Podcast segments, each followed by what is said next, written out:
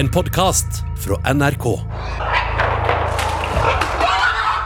For to år siden viste NRK Brennpunkt hvordan mange griser hadde det i norske fjøs. Så at vi kan lage en skrekkvideo av dimensjoner bare her i fjøset her i dag.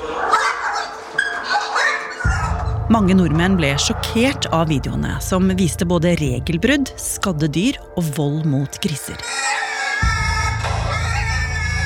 Det er stygge brudd på regelverket som ikke skal foregå. Politikerne og næringen selv lovte at nå skulle alt bli mye bedre. Norske griser skulle ha det bra, var mantraet. Dyr er ikke ting. Dyr er levende, og vi har et ansvar for å ivareta dem. Og de som ikke kan det, de har ingenting i næring å gjøre. Men så var det noen som i skjul undersøkte om det virkelig ble bedring. Og det de fant, var oppsiktsvekkende.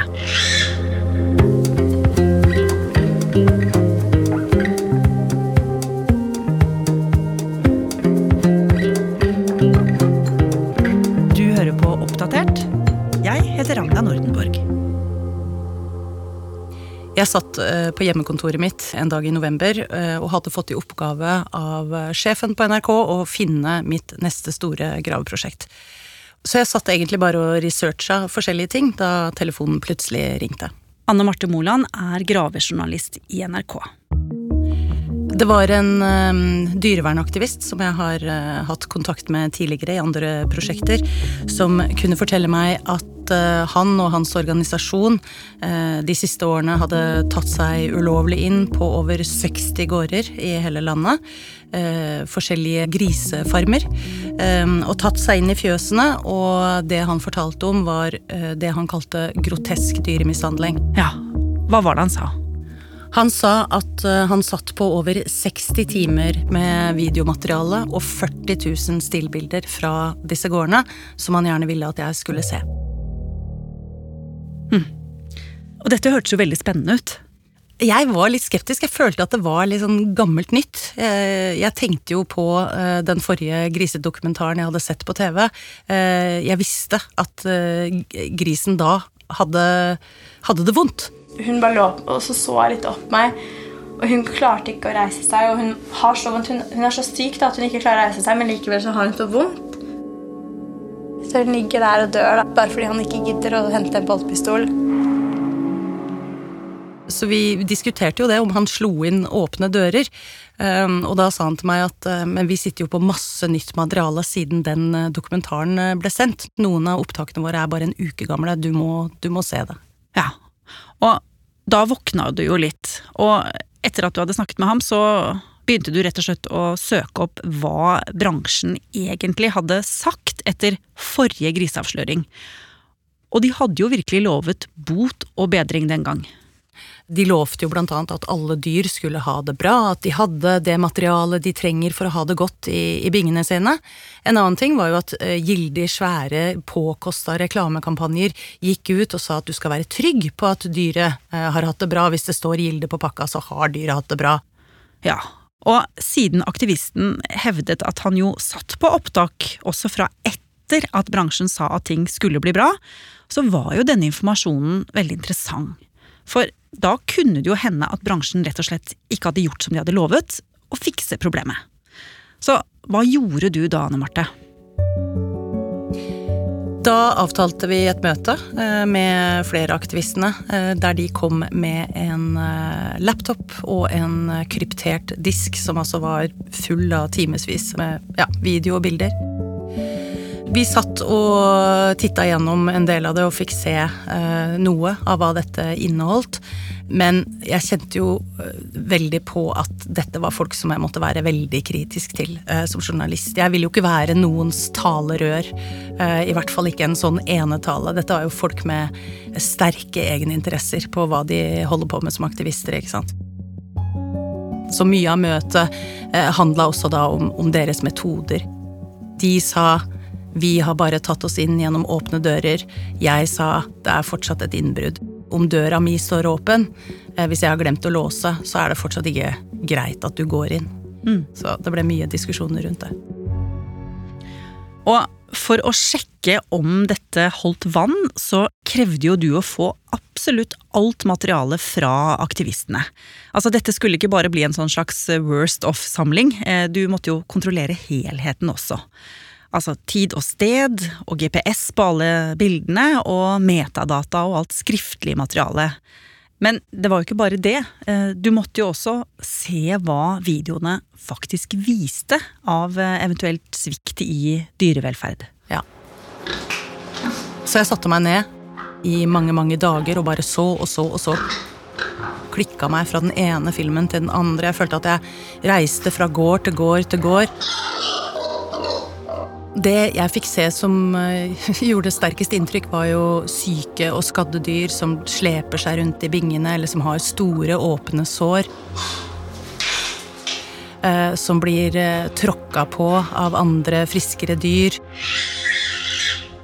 som på en måte døende dyr i en sånn dødskamp som ligger inne i bingen og gisper etter luft. Det var det som gjorde sterkest inntrykk på meg.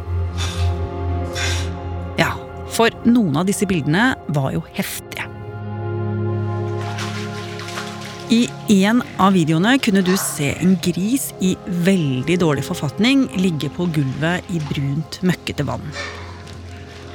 Den rister og prøver å komme seg opp på beina, men den klarer ikke det, og den prøver igjen og igjen. Mens de andre grisene går rundt den, og, og noen dytter til og med borti den.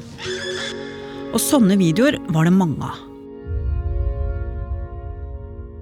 Og Anne Marte, du endte jo opp med å konkludere med at dette var såpass troverdig og ikke minst urovekkende at du ville gå videre med saken for å undersøke enda mer.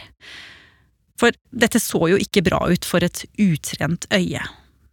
Men du skjønte jo også fort at du trengte eksperthjelp for å vurdere materialet nærmere, for å finne ut hvor alvorlig dette faktisk var.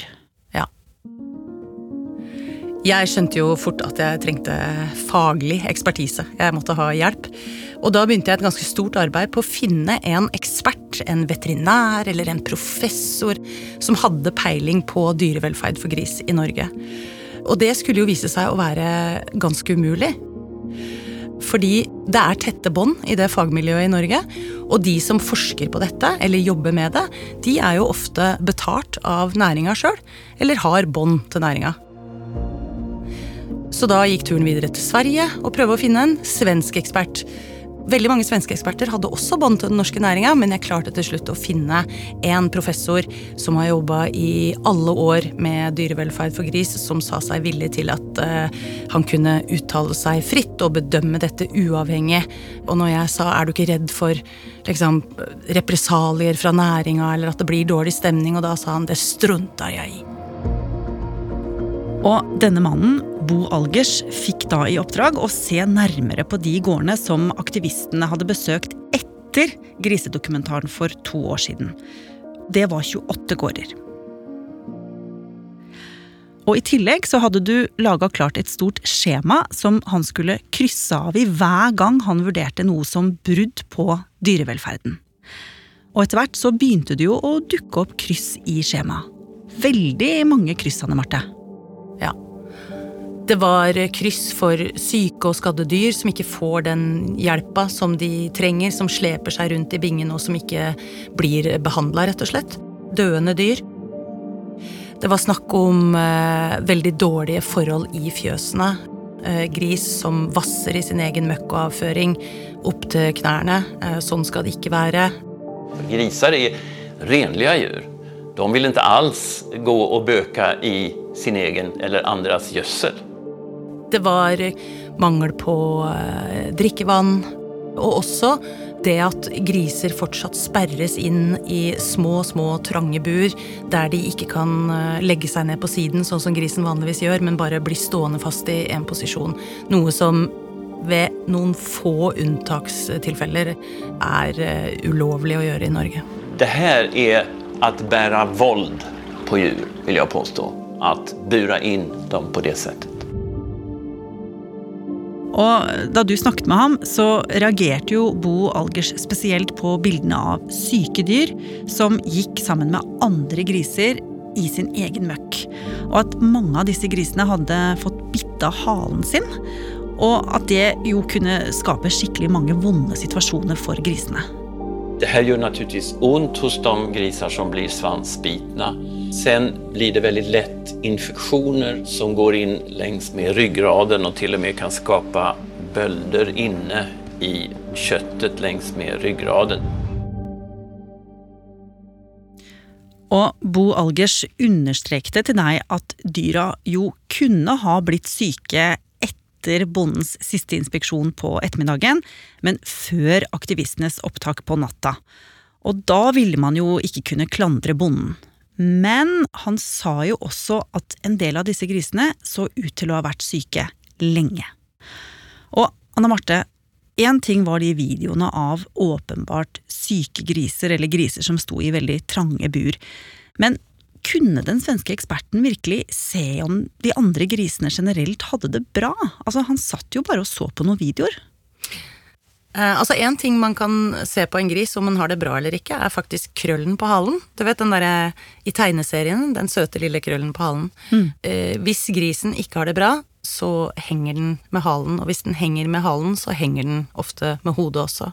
Eh, og i dette materialet så er det jo ikke bare hengende, stusslige haler, det er jo også avspiste haler og haler som har bare blitt til store, åpne sår. Og til slutt så kom han jo med en konklusjon. Og hva sa den?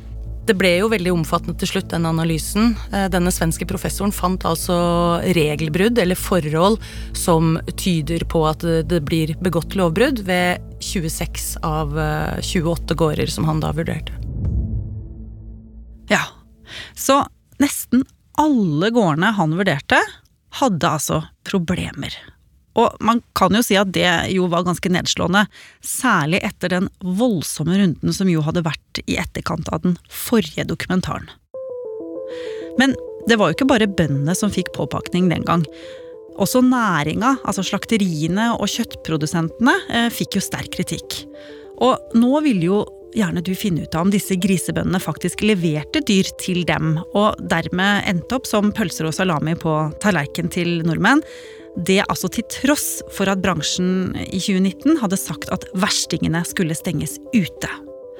Og etter hvert så fikk du jo innsyn i Mattilsynets dokumenter fra slakteriene, og det du oppdaga der, det overraska deg. Hva var det du så?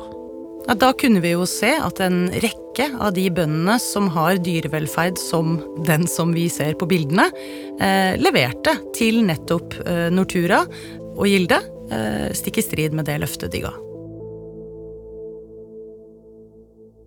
Så ikke bare hadde dere nå avdekket at det fremdeles var en del griser som led i norske grisefjøs. Dere viste også at flere av disse bøndene leverte dyr til norske slakterier og produsenter. Og da var det jo på tide å konfrontere både bønder og næring. Og du inviterte de store slakterikjedene, Bondelaget, Mattilsynet og flere andre til NRK for at de skulle få se på dette materialet. Og i flere omganger så satt du og dine kollegaer sammen med disse representantene inne i et stort, mørkt auditorium mens dere så på filmene av grisene. Og du spurte jo Trine Hasvang Våg, styreleder i Nortura, om hva hun tenkte etter å ha sett disse bildene. Vi syns at, eh, at det å se disse bildene var fryktelig. Eh, Vi eh, klarer ikke å se det samme bildet, så vi mener det ikke er et representativt bilde av svinenæringa. Men står dere på den reklamen at du skal være trygg på at uh, dyra har det bra? Ja. Men hvordan kan dere være trygg på det, Det når vi- bildene ser sånn ut? Det vi sa, var at hvis vi fanger det opp, hvis vi klarer å fange opp, og som sagt, vi har gjort mye for å finne systemene for å fange opp, så skal vi gjøre noe med det. Og den lovnaden, den står vi på. Ja, for hun fortalte deg at allerede før NRK tok kontakt, så hadde Nortura fanget opp problemene med dyrevelferden på over halvparten av gårdene på bildene, og slått ned på direkte regelbrudd. Og to av disse bøndene hadde rett og slett avslutta driften.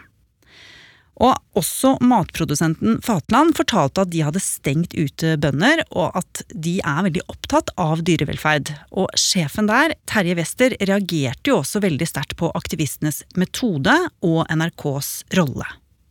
Vi tar jo avstand fra eh, metodebruken og eh, det at 28 eh, innbrudd hjemme hos bønder midt på natta og filming i avdelte seksjoner på fjøset, det er ikke noe representativt utvalg for det som foregår i norsk svineproduksjon, det.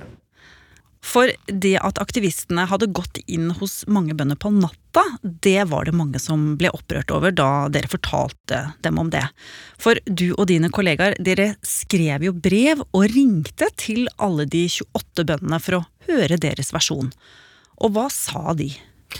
Altså De som har eh, svart eh, til nå, de er jo opprørt, og de føler seg utrygge. Eh, og det kan jeg godt forstå, når noen har tatt seg ulovlig inn i deres private eiendom. De er også opprørt over at NRK velger å videreformidle og vise disse bildene. Og flere sier at hvis du går inn i et grisefjøs i Norge for å finne feil, så finner du feil. Det er store fjøs, det er gamle bygninger, det er mange dyr. Ja, du vil alltid finne feil. Um, svinebøndene er lei av å bli framstilt som skurker i en næring som de mener er god. Og via Bondelaget så sa bøndene at de ikke kjenner seg igjen i framstillinga. Og bransjen spør f.eks. hvordan den svenske eksperten kunne vite om en syk gris fikk skikkelig behandling uten å spørre bonden selv. Og de lurer også på hvordan den svenske eksperten kan vite sikkert om grisen har et tørt sted å ligge, i de tilfellene der videoene bare viser deler av bingene. Samtidig gjorde Bondelagets leder Lars Petter Bartnes det klart at bildene av gris som ikke har det bra, gjør inntrykk på han. Men også han reagerer sterkt på hele metoden bak avsløringen. Det er innbrudd eh, i svinefjøs på nattestid, eh, noe som eh, jeg karakteriserer som kriminalitet. Ok, men Anne Marte, historien slutter jo ikke her. For det var jo noe du fortsatt eh, ikke hadde fått helt svar på, rett og slett. For systemet som skal passe på at dyra har det bra, og at bøndene følger reglene, hvor hadde det blitt av det? Altså, det er jo bøndenes ansvar at dyret har det godt, men det er Mattilsynets ansvar å undersøke om bøndene følger de lovene og reglene som vi har i Norge for god dyrevelferd. Ja, så da begynte du å grave i hva som hadde skjedd i alle disse tilfellene der Mattilsynet fant at ting ikke var helt på stell i grisefjøset. Eh, jeg søkte innsyn i over 200 avvik som ble funnet i norske svinefjøs i 2019. Og det vi fant ut eh, ved å lage en svær database over alle disse avvikene, det var jo eh, ganske overraskende. Hva var det som viste seg? For det første så tar det måneder og år å rydde opp i lovbrudd i norske grisefjøs. Altså fra en feil oppdages av Mattilsynet, til saken på en måte er ute av verden, og det er dokumentert at dyrene har fått det bedre. Eh, det går veldig, veldig lang tid. Hmm. Et eksempel eh, på det her er jo eksempel når jeg har vært hos en bonde. De første tilsynene hos han, tilsynsrapportene som jeg fant, er fra 2012.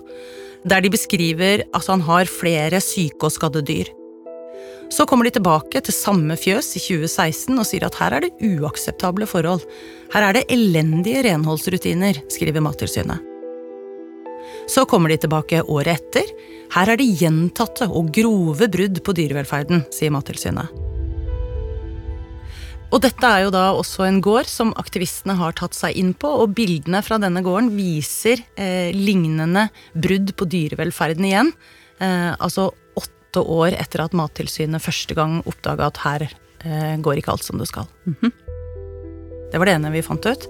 Det andre er, eh, og det overrasker meg litt, når Mattilsynet kommer på tilsyn, og så undersøker de om dyra har det bra. Hvis de finner ut at dyrene ikke har det bra, så får bonden beskjed om at du må rette. Den og den feilen må rettes opp. Eh, og så får bonden et slags sånn skjema som han kan fylle ut med kulepenn. Og der skriver han tilbake ja, da har jeg gjort som dere sa. Og så sender han det tilbake til Mattilsynet, og så skriver Det er en kjempepapirmølle. Og så skriver Mattilsynet tilbake eh, fint, da lukker vi denne saken. Uten at det er videre dokumentert at dyrene faktisk har fått det bedre. Og hvorfor lar egentlig Mattilsynet dette bare skje år etter år med så mange? For det første så eh, har jeg jo da lært i løpet av dette prosjektet at det tilsynssystemet, den kontrollmyndigheten vi har i Norge, det er et tillitsbasert system. Sånn at Mattilsynet svarer at for dem så er det en vanskelig balansegang. Det er saker der vi står i et dilemma mellom på den ene siden å bidra til at bonden tar vare på dyra sine og sikrer god dyrevelferd, og på den andre siden, hvis vi bruker de strengeste virkemidlene, kan ta fra bonden livsgrunnlaget. De har også tidligere blitt kritisert. De har bl.a. tapt flere rettssaker der bønder har måttet avvikle driften. De har tapt flere rettssaker pga. at de har gitt bonden for lite tid til å bli en bedre bonde. Og i den konkrete saken, der det har gått åtte år med dårlig dyrevelferd, så sier jo Mattilsynet at det er en vanskelig sak. Ja, I denne aktuelle saken så, så sier Mattilsynet selv at det er snakk om grove og gjentatte brudd på dyrevelferden. Hvorfor får en bonde som dette fortsette i så mange år?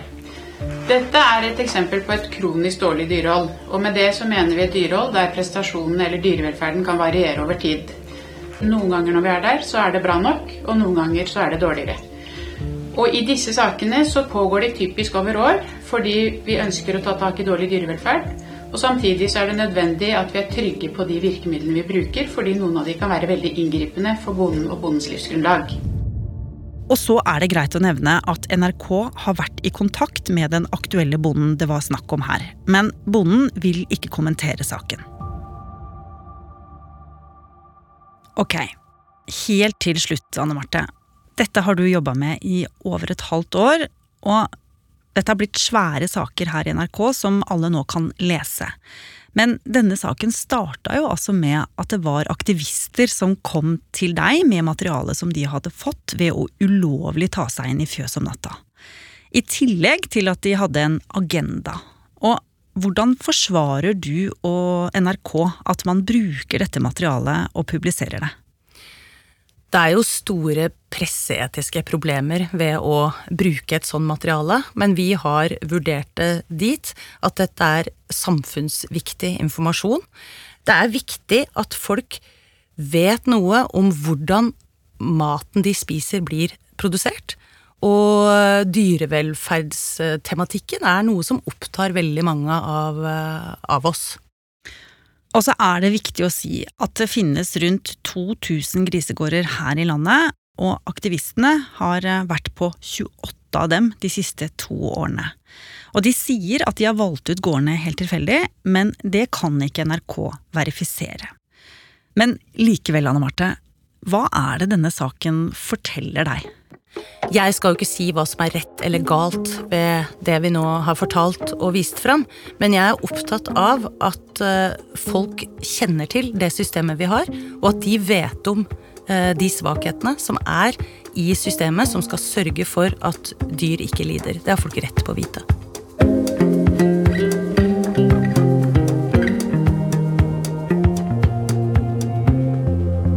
Har du lyst til å bli fast lytter av oss i Oppdatert og få påminnelse om nye episoder, er det bare å følge oss i NRK radioappen. Og så er det veldig hyggelig hvis du vil anbefale oss til en venn. Oppdatert er en podkast fra NRK Nyheter, og denne episoden er laget av Irina Kjelle, Bendik Hansen, Pål Gauslå Sivertsen, Andreas Berge og meg, Ragna Nordenborg. Knut Are Tornås er redaksjonssjef. Vil du kontakte oss, gjør gjerne det på oppdatert krøllalfa nrk.no. Du har hørt en podkast fra NRK. Hør flere podkaster og din favorittkanal i appen NRK Radio.